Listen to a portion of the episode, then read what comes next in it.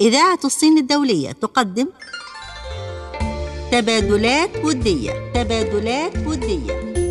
نحن نبني جسورا من الصداقة بين الصين والعالم العربي ونرصد أهم المستجدات في العلاقات الصينية العربية. تبادلات ودية. برنامج يأتيكم عبر إذاعة الصين الدولية. مستمعينا مستمعي إذاعة الصين الدولية في كل أنحاء الوطن العربي من المحيط إلى الخليج. أهلا ومرحبا بكم. وحلقة جديدة من برنامجكم تبادلات ودية. مستمعينا الأعزاء أهلا بكم. فعلى مدار عقود طويلة بنى الصينيون والعرب جسورا مدينة من العلاقات القوية والتي تزداد زخما وعمقا عاما بعد عام. وانطلاقا من روابط الصداقة العميقة التي تربط الأمتين العربية والصينية وتدعيما لاواصر المحبة وتاكيدا للمصير المشترك بين الشعبين يسعدنا أن نرصد لكم أهم وأبرز المستجدات في العلاقات العربية الصينية.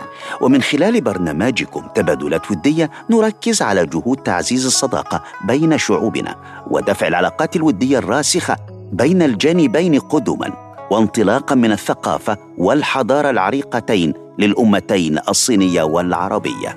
تبادلات ودية. برنامج يقدمه لكم وفاء ناجي. وحسن الشاذلي يسعدنا في البداية أن نستعرض معكم سريعا فقرات حلقة اليوم من برنامج تبادلات ودية والتي نقدم من خلالها شركة أرامكو السعودية للنفط والغاز الطبيعي والبتروكيماويات وقعت عددا من اتفاقيات توريد النفط الخام مع خمسة عملاء صينيين خلال معرض الصين الدولي للاستيراد الذي أقيم في شنغهاي الصينية. سفير جمهورية الصين الشعبية لدى جمهورية مصر العربية السيد لياو لي تشيانغ صرح أن التبادلات والزيارات رفيعة المستوى تعكس الآفاق الرحبة للعلاقات الصينية المصرية. عرض ثلاثة أفلام صينية في مهرجان القاهرة السينمائي الدولي بمصر.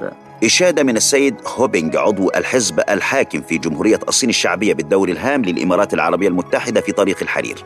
المملكة الأردنية الهاشمية شاركت في الدورة الثانية لمعرض الصين الدولي للاستيراد الذي أقيم في بلدية شنغهاي بجمهورية الصين الشعبية. مؤسسة البترول الكويتية أعلنت عزمها على زيادة الصادرات من النفط الخام إلى جمهورية الصين الشعبية لأكثر من 600 ألف برميل يوميا بحلول العام المقبل 2020 والهيئة العامة الكويتية للاستثمار تعتزم اتخاذ مقر دائم في الصين ذلك لتصدرها قوائم وجهات الاستثمار العالمية. وفد إعلامي عراقي رفيع المستوى يشيد بالتطورات في جمهورية الصين الشعبية وبتجربتها الرائدة.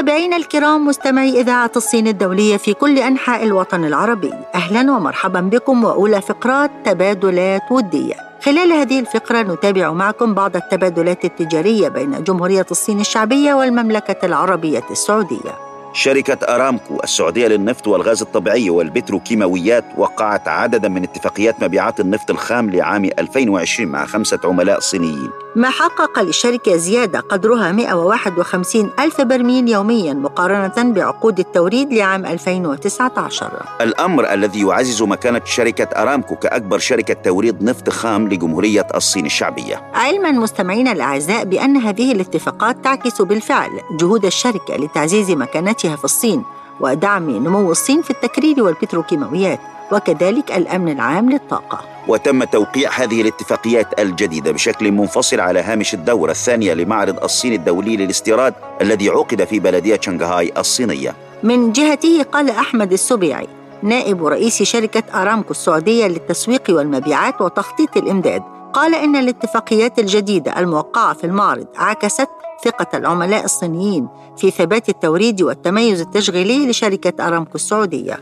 وأضاف السبيعي أن هذه الاتفاقيات وضحت أيضا التزام الشركة السعودية في السوق الصيني. وتعد هذه هي السنة الثانية على التوالي التي شاركت فيها أرامكو السعودية في معرض الصين الدولي للاستيراد. حيث وقعت الشركة في العام الماضي عددا من اتفاقيات بيع النفط الخام مع عملاء صينيين مما ساعد على دفع مبيعات النفط الخام الصينية في عام 2019 إلى مستويات جديدة. ويأتي إبرام هذه الاتفاقيات تعبيرا عن الدور الحيوي الذي تلعبه المملكة العربية المتحدة في العلاقات الصينية العربية.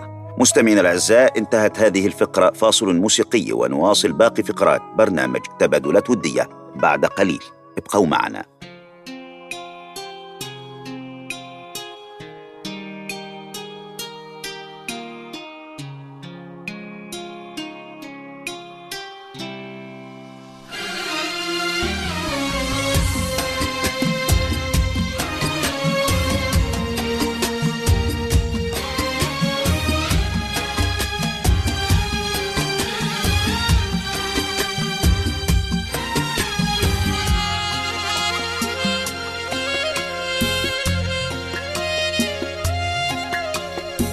looking through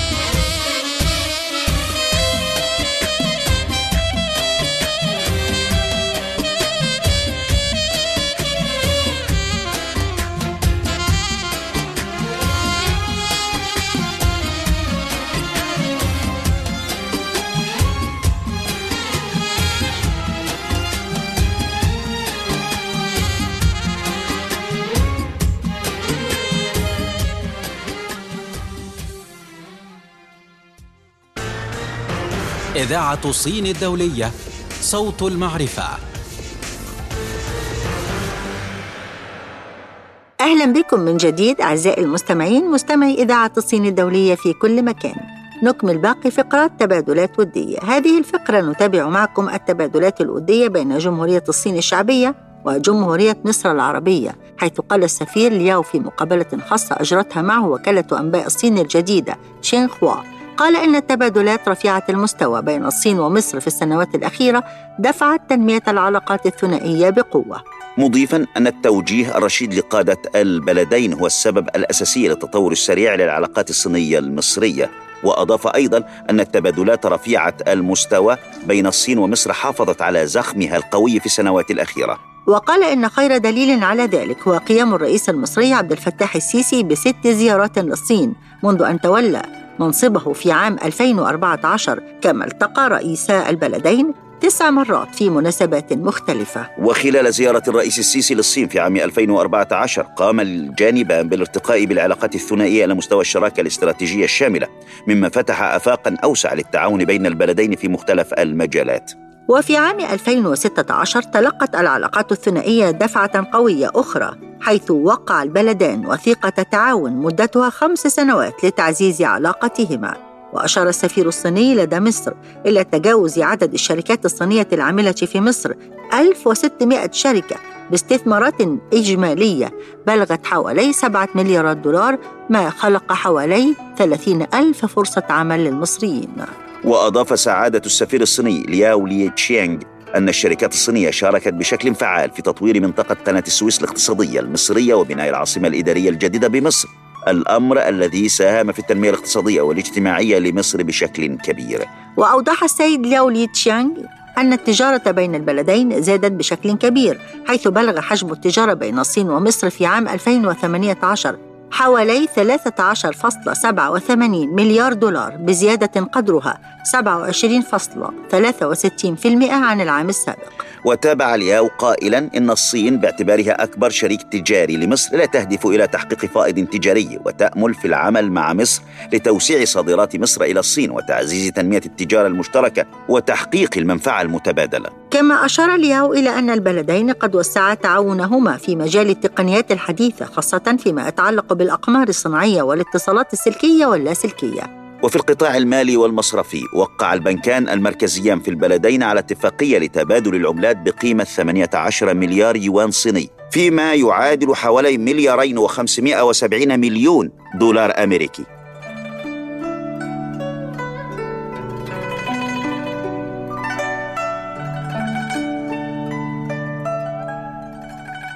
ونوه السيد لياو لي تشانغ بأن الصين ومصر تتمتعان بحضارات قديمة وتحظيان بمزايا طبيعية في التبادلات بين الشعبين. وأكد الياو أن الصين ستبذل قصارى جهدها في هذا الصدد حتى يكون لدى المصريين فهم أعمق للسياسات والمفاهيم ومسارات التنمية والثقافة في الصين. وأشار لياو لي تشانغ إلى أن هناك إمكانات كبيرة للتعاون في تنفيذ استراتيجية رؤية مصر 2030 ومشروع ممر قناة السويس المصرية مع مبادرة الحزام والطريق التي اقترحتها الصين. ولفت السفير الصيني إلى أن العالم يمر بتغيرات عميقة وظهور رؤى جديدة مؤكدا أن الصين ومصر تواصلان الحفاظ على تبادلات وثيقة رفيعة المستوى وتعميق الثقة المتبادلة وتنسيق الاستراتيجيات وتعزيز الشراكة الاستراتيجية الشاملة. كما أكد أكد الياو على أن الصين ومصر ستواصلان دعم بعضهما البعض بشأن المصالح الجوهرية وتبادل وجهات النظر حول العلاقات الثنائية والموضوعات ذات الاهتمام المشترك وأيضا تعزيز الاتصالات والتعاون في شتى المجالات الحيوية. وأردف الياو أنه في المستقبل سننفذ بحزم الإجماع الذي توصل إليه كبار قادة البلدين. وسنسرع من التعاون في إطار مبادرة الحزام والطريق حتى نتمكن من تحويل الإجماع إلى نتائج فعلية وعملية. وأشار إلى أن العلاقات الصينية المصرية بالفعل تشهد زخما كبيرا وسط تبادل في الزيارات الرسمية على مستوى عال. ففي عام 2018 زار نائب الرئيس الصيني وانغ تشي تشان جمهورية مصر العربية استجابة لدعوة من رئيس الحكومة المصرية مصطفى مدبولي. وفي يونيو 2019 سافر رئيس البرلمان المصري علي عبد العال إلى جمهورية الصين الشعبية في زيارة رسمية لها.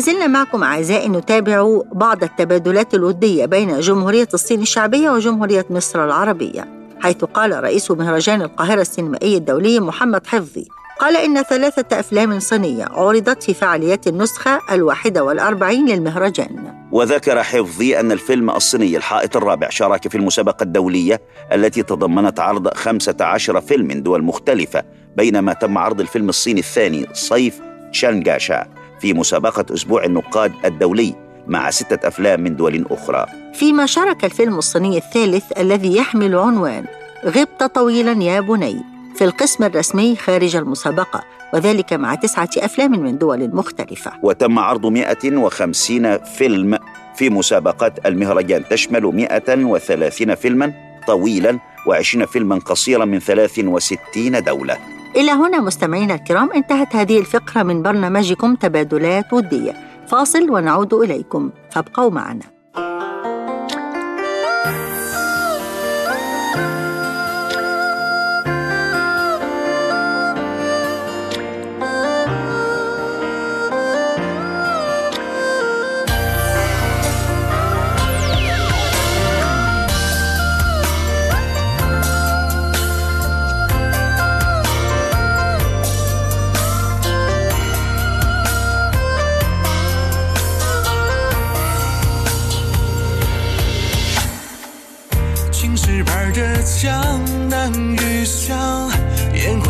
见花开正香丹青只上月下荷塘孩童当年一样。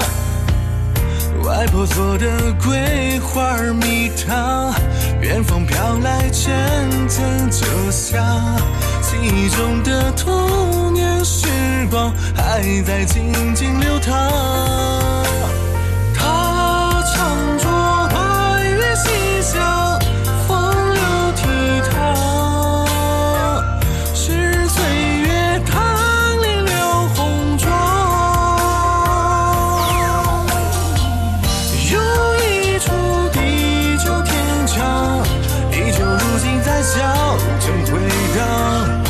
仿佛听到当初的我们，跟着轻轻的唱，我走在朱雀桥上，抬眼就看见燕子归乡。多年之后又回到最初地方。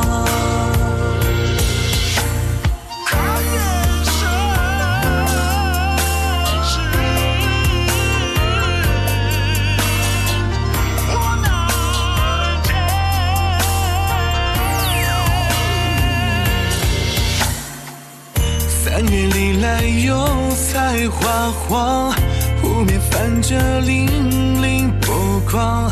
你画上的细水鸳鸯，从来如对出霜。羽衣绕梁，琴声悠扬，烛火的光透过了窗。三三两两，戏台之上，诉说一段过往。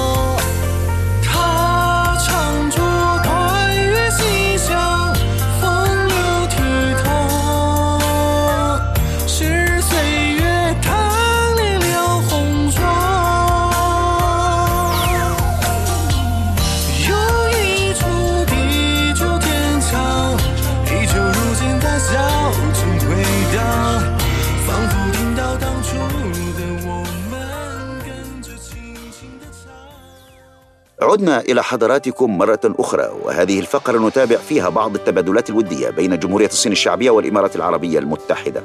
فقد نظم مركز الإمارات للدراسات والبحوث الاستراتيجية محاضرة بعنوان أفكار الحزب الشيوعي الصيني لحكم وإدارة الدولة خلال سبعين سنة.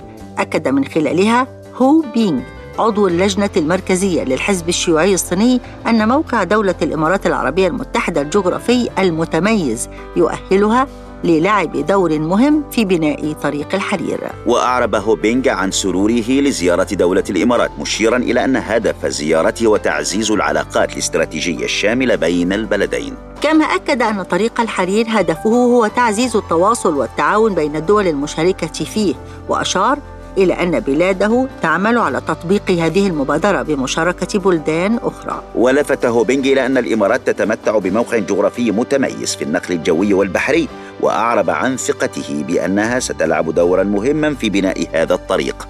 وأكد أن لدى الإمارات العربية المتحدة الكثير من القواسم المشتركة مع الصين. وأشار عضو اللجنة المركزية للحزب الشيوعي الصيني إلى توقيع اتفاقية بين إمارة دبي ومقاطعة شانشي الصينية لتعزيز التعاون في مجال الشركات المتوسطة والصغيرة والاقتصاد والتجارة. كما لفت إلى أن الصين حققت طفرة عظيمة فالقوة الشاملة للبلاد ارتفعت بشكل كبير. والناتج المحلي بالصين وصل في عام 2018 إلى 13.6 تريليون دولار أمريكي. وأشار عضو اللجنة المركزية للحزب الشيوعي الصيني السيد وانغ يانغ إلى أن الصين تعيش في مرحلة حاسمة لتحقيق النهضة العظيمة لأمتها حيث تصادف الذكرى السبعين لتأسيس جمهورية الصين الشعبية. كما أشار وانغ يانغ إلى أن العلاقات مع الصين والإمارات شهدت نقلة نوعية كبيرة بعد زيارة الشيخ محمد بن زايد آل نهيان إلى بكين في ديسمبر 2015 والتي أسهمت في توطيد وتعزيز التعاون من خلال توقيع العديد من الاتفاقيات ومذكرات التفاهم. ولفت أيضا إلى أن مجالات التعاون بين الإمارات والصين تغطي حزمة من المحاور تبدأ من السياسي والاقتصادي وكذلك التعليمي والتكنولوجي والطاقة والمياه والثقافي والإنساني فضلا عن المجالات العسكرية وإنفاذ القانون وحفظ السلام. تعد الإمارات شريك رئيسي للصين في مشروع الحزام والطريق الذي تسعى بكين من خلاله لإحياء طريق الحرير القديمة لتعزيز حركة التجارة الدولية. ولافت عضو اللجنة المركزية للحزب الشيوعي الصيني أن الصين تعتمد على ما تملكه الإمارات من موقع استراتيجي وبنية أساسية وبيئة قانونية ومن نهج التسامح والانفتاح. وهذا في الواقع ما يؤهلها لأن تكون شريكا أساسيا يمتلك قدرة ابتكارية لتوظيف هكذا مشاريع في صناعة مستقبل بإيجابيات عابرة للحدود والقارات. مستمعينا الكرام مستمعي برنامج تبادلات ودية انتهت فقرتنا فاصل ونعود إلى حضراتكم بعد قليل. ابقوا معنا.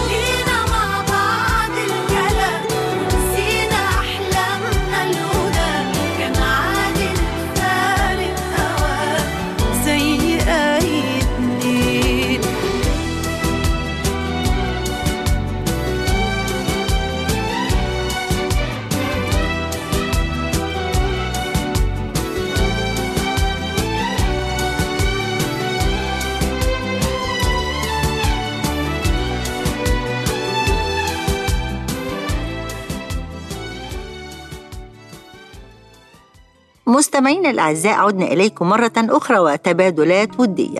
خلال هذه الفقرة نتابع معكم بعض التبادلات بين جمهورية الصين الشعبية والمملكة الأردنية الهاشمية. حيث كانت مشاركة الأردن هذا العام في معرض الصين الدولي الثاني للاستيراد مشاركة شديدة التميز. فقد شارك الأردن في هذه الدورة التي تم عقدها في بلدية شنغهاي بالصين كضيف شرف من بين 15 دولة. تأتي كضيف شرف على المعرض هذه السنة. وقد تفاعل الأردنيون بقوة مع هذا الحدث الاقتصادي الهام فشاركوا بمنتجاتهم في الجناحين الرئيسيين في المعرض وهما جناح الدول وجناح الشركات. وخلال مقابلة خاصة للسفير الأردني لدى جمهورية الصين الشعبية حسام عبد الله الحسيني مع وكالة أنباء الصين الجديدة شينخوا أعرب أن الأردن تقدر دعوتها للمشاركة كضيف شرف في المعرض وتقدر أهمية المعرض للصين وللقيادة الصينية في تعزيز التجارة الخارجية مع دول العالم. وأكد الحسيني أن دعوة الأردن كضيف شرف كان لها تقدير خاص من جانب الأردن إذ تعتبر مؤشرا على العلاقات المميزة التي تربط الصين بالأردن ومكانه العلاقات بين البلدين. والأردن صديق مخلص وشريك دائم للصين في العديد من المجالات منها السياسة والاقتصاد والاجتماع والتنمية وغير ذلك. والأردن تعتز بصداقتها مع الصين وتقدر تماما التنسيق والتشاور معها بشأن الموضوعات ذات الاهتمام المشترك. وقد شدد السفير الأردني على أهمية تعزيز التعاون التجاري والاستثماري بين الأردن والصين كثاني أكبر شريك تجاري لبلاده. مشيدا بمستوى التبادل التجاري الذي يبلغ ثلاثة بلايين واثنين من عشرة من البليون دولار سنويا وهو رقم كبير بالنسبة للاقتصاد الأردني ويؤكد أهمية العلاقات التجارية بين البلدين وإمكانية تعزيز هذا التبادل التجاري والانتقال به إلى مرحلة جديدة من الاستثمارات المتبادلة. وأشار إلى أن المشاركة بفعاليات معرض الصين الدولي للواردات كانت فرصة جذابة وجاذبة لرجال الأعمال الأردنيين والشركات الأردنية. ولفت السفير الأردني أن المعرض كان بداية طريق لتعزيز توريد المنتجات الأردنية إلى الأسواق الصينية وتعزيز التطلعات الاستثمارية المشتركة فيما بين الأردن والصين والشركات الأردنية والصينية المختلفة. وقال الحسيني إن الأردن شارك في المعرض للمرة الثانية حيث مثل المعرض تجسيدا وترجمة عملية لأهداف مبادرة الحزام والطريق. وأضاف الحسيني أنه من خلاله استطاع الأردن أن يلمس توجه حقيقي في السعي لتمتين العلاقات الاقتصادية والتجارية مع مختلف الدول ومن ضمنها الأردن. وأشار أيضا السفير الأردني إلى أن المعرض هو فرصة مهمة لاستكشاف السوق الصينية والترويج للمنتجات الأردنية، وقال إن المعرض يعد مبادرة عظيمة ستساعد العديد من الدول كالأردن على تسهيل عرض منتجاتها واستكشاف فرص لترويج هذه المنتجات. وأوضح الحسيني أن التجارة بين الأردن والصين هي قديمة ودائما كانت في زيادة ملحوظة ولفت إلى أن التجارة واحدة من العوامل المشتركة وأحد الجوانب الناجحة جدا في العلاقات الأردنية الصينية. حيث إن منتجات البحر الميت تعد من مصادر الأملاح الطبيعية الرائجة والمهمة والمفيدة جدا في العلاج الطبيعي بالإضافة إلى بعض المنتجات الغذائية التي ينفرد الأردن بإنتاجها.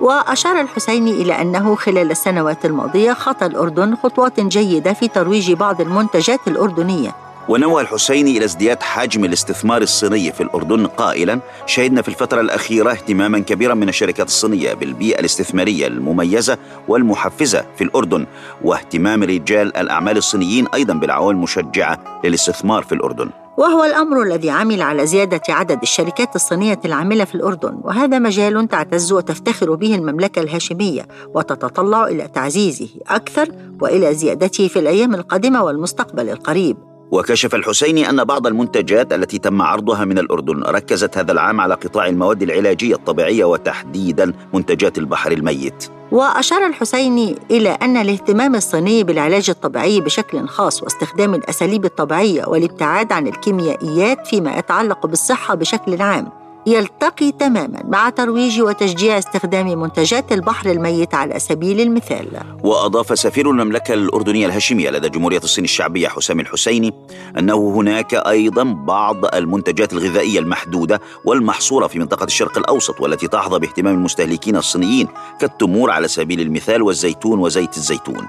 حيث إن هذه المنتجات في منطقة الشرق الأوسط تحديدا وفي الأردن خصوصا تمثل مواد نباتية مهمة للغذاء الصحي. وأشار السفير الأردني إلى أن بلاده تأمل في أن تكون هذه المنتجات مناسبة لتقديمها في المعارض الصينية. وفيما يتعلق بجناح الدول لفت السفير الأردني إلى أن عنوان جناح دولة الأردن بالمعرض هذا العام هو الفرص الاستثمارية المتاحة في الأردن وهي ليست موجهة فقط للشركات الصينية المشاركة في المعرض ولكن أيضا للشركات الدولية المشاركة بالمعرض.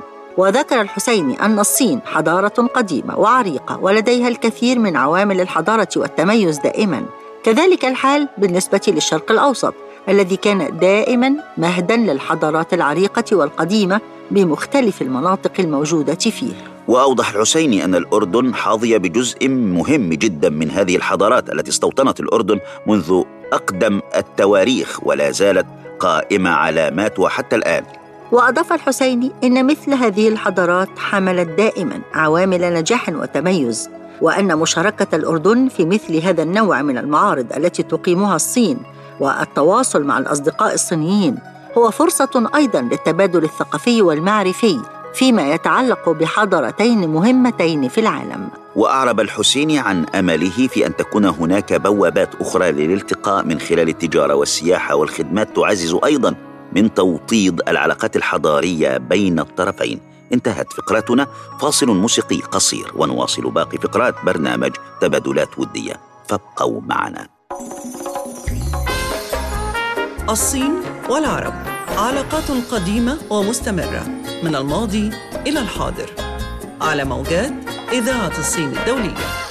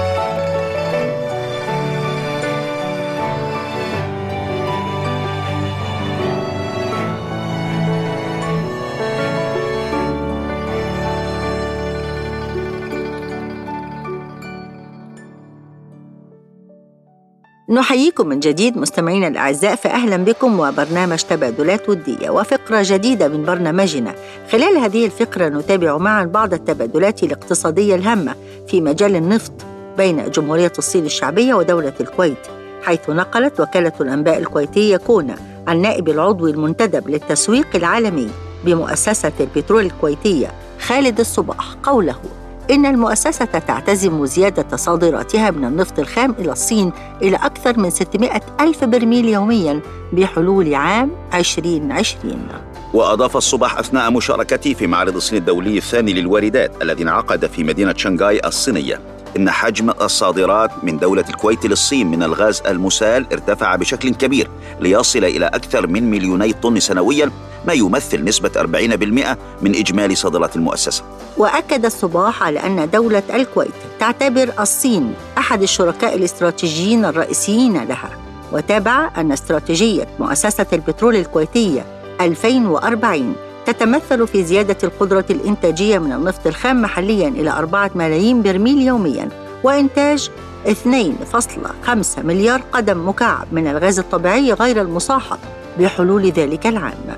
وأوضح الصباح أن المؤسسة تسعى للوصول بالطاقة التكريرية للنفط محليا إلى مليون وأربعمائة ألف برميل يوميا بحلول عام 2021 إلى جانب الاستثمار في مصاف عالمية بما يضمن أفضل العائدات للنفط الكويتي. كما تحدث الصباح عن المشروعات المقبلة قائلا إن من بينها بناء مصفاة جديدة هي مصفاة الزور تم تصميمها وفق المعايير العالمية وبطاقة تكريرية كبيرة تبلغ حوالي 615 ألف برميل يومياً لضمان تغطية احتياجات الكويت من الطاقة. وتابع الصباح أنه سيتم أيضا إنشاء محطة استيراد الغاز الطبيعي بطاقة استيعابية تبلغ ثلاثة ألاف مليار وحدة حرارية يوميا. وقد شارك وفد مؤسسة البترول الكويتية برئاسة العضو المنتدب للتسويق العالمي بالمؤسسة عبد الناصر الفليج ضمن فعاليات معرض الصين الدولي الثاني للواردات في مدينة شنغهاي جنوب شرقي الصين بفعالية كبيرة. وأكد رئيس مكتب مؤسسة البترول الكويتية في الصين محمد بوفتين اهتمام دولة الكويت بجمهورية الصين الشعبية باعتبارها أحد أهم الأسواق الاستراتيجية في العالم. وقال إن هذا الاهتمام يأتي تنفيذا لتوجهات ورؤى الكويت حول ضرورة زيادة التعاون الاستراتيجي مع الصين مشيرا إلى أن ارتفاع صادرات النفط الكويتية إلى الصين في تصاعد مستمر. وأضاف بوفتين أن العضو المنتدب للتسويق العالمي بمؤسسة البترول الكويتية عبد الناصر الفليج وقع خلال المشاركة في المعرض عدة اتفاقيات تعاون.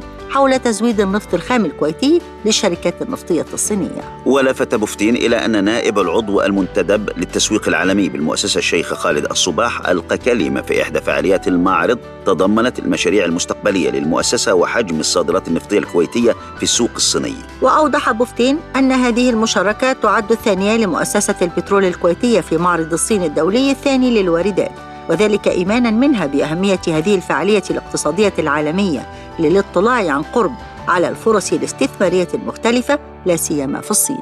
وأضاف بوفتين أن مؤسسة البترول الكويتية شاركت في المعرض إلى جانب أكثر من 3800 شركة من 155 دولة ومنطقة ومن 26 منظمة دولية مختلفة وهو ما حقق لها العديد من التعاقدات المثمرة.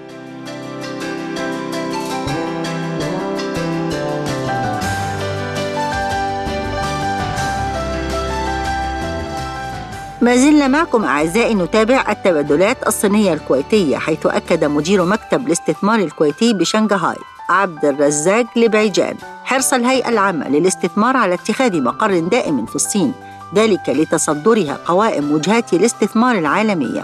وقال البعيجان إن الصين تمتلك كل المقومات الاقتصادية والاستثمارية التي تؤهلها لتتصدر اقتصادات العالم إذ شهدت طفرة اقتصادية كبيرة في مختلف المجالات لا سيما التجارية منها والاستثمارية. وأوضح لبيجان أن افتتاح مكتب الاستثمار الكويتي بمدينة شنغهاي.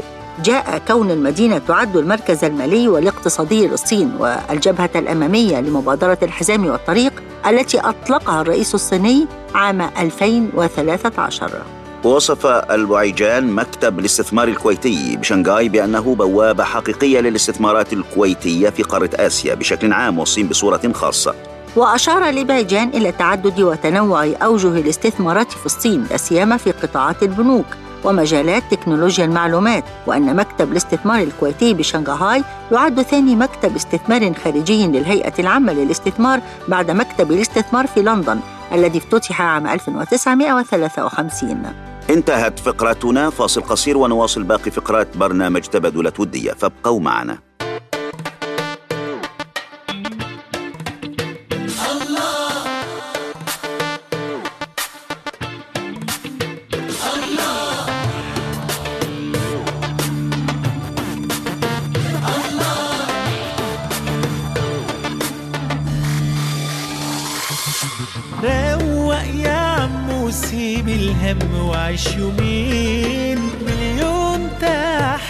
لناس رموها ومبسوطين.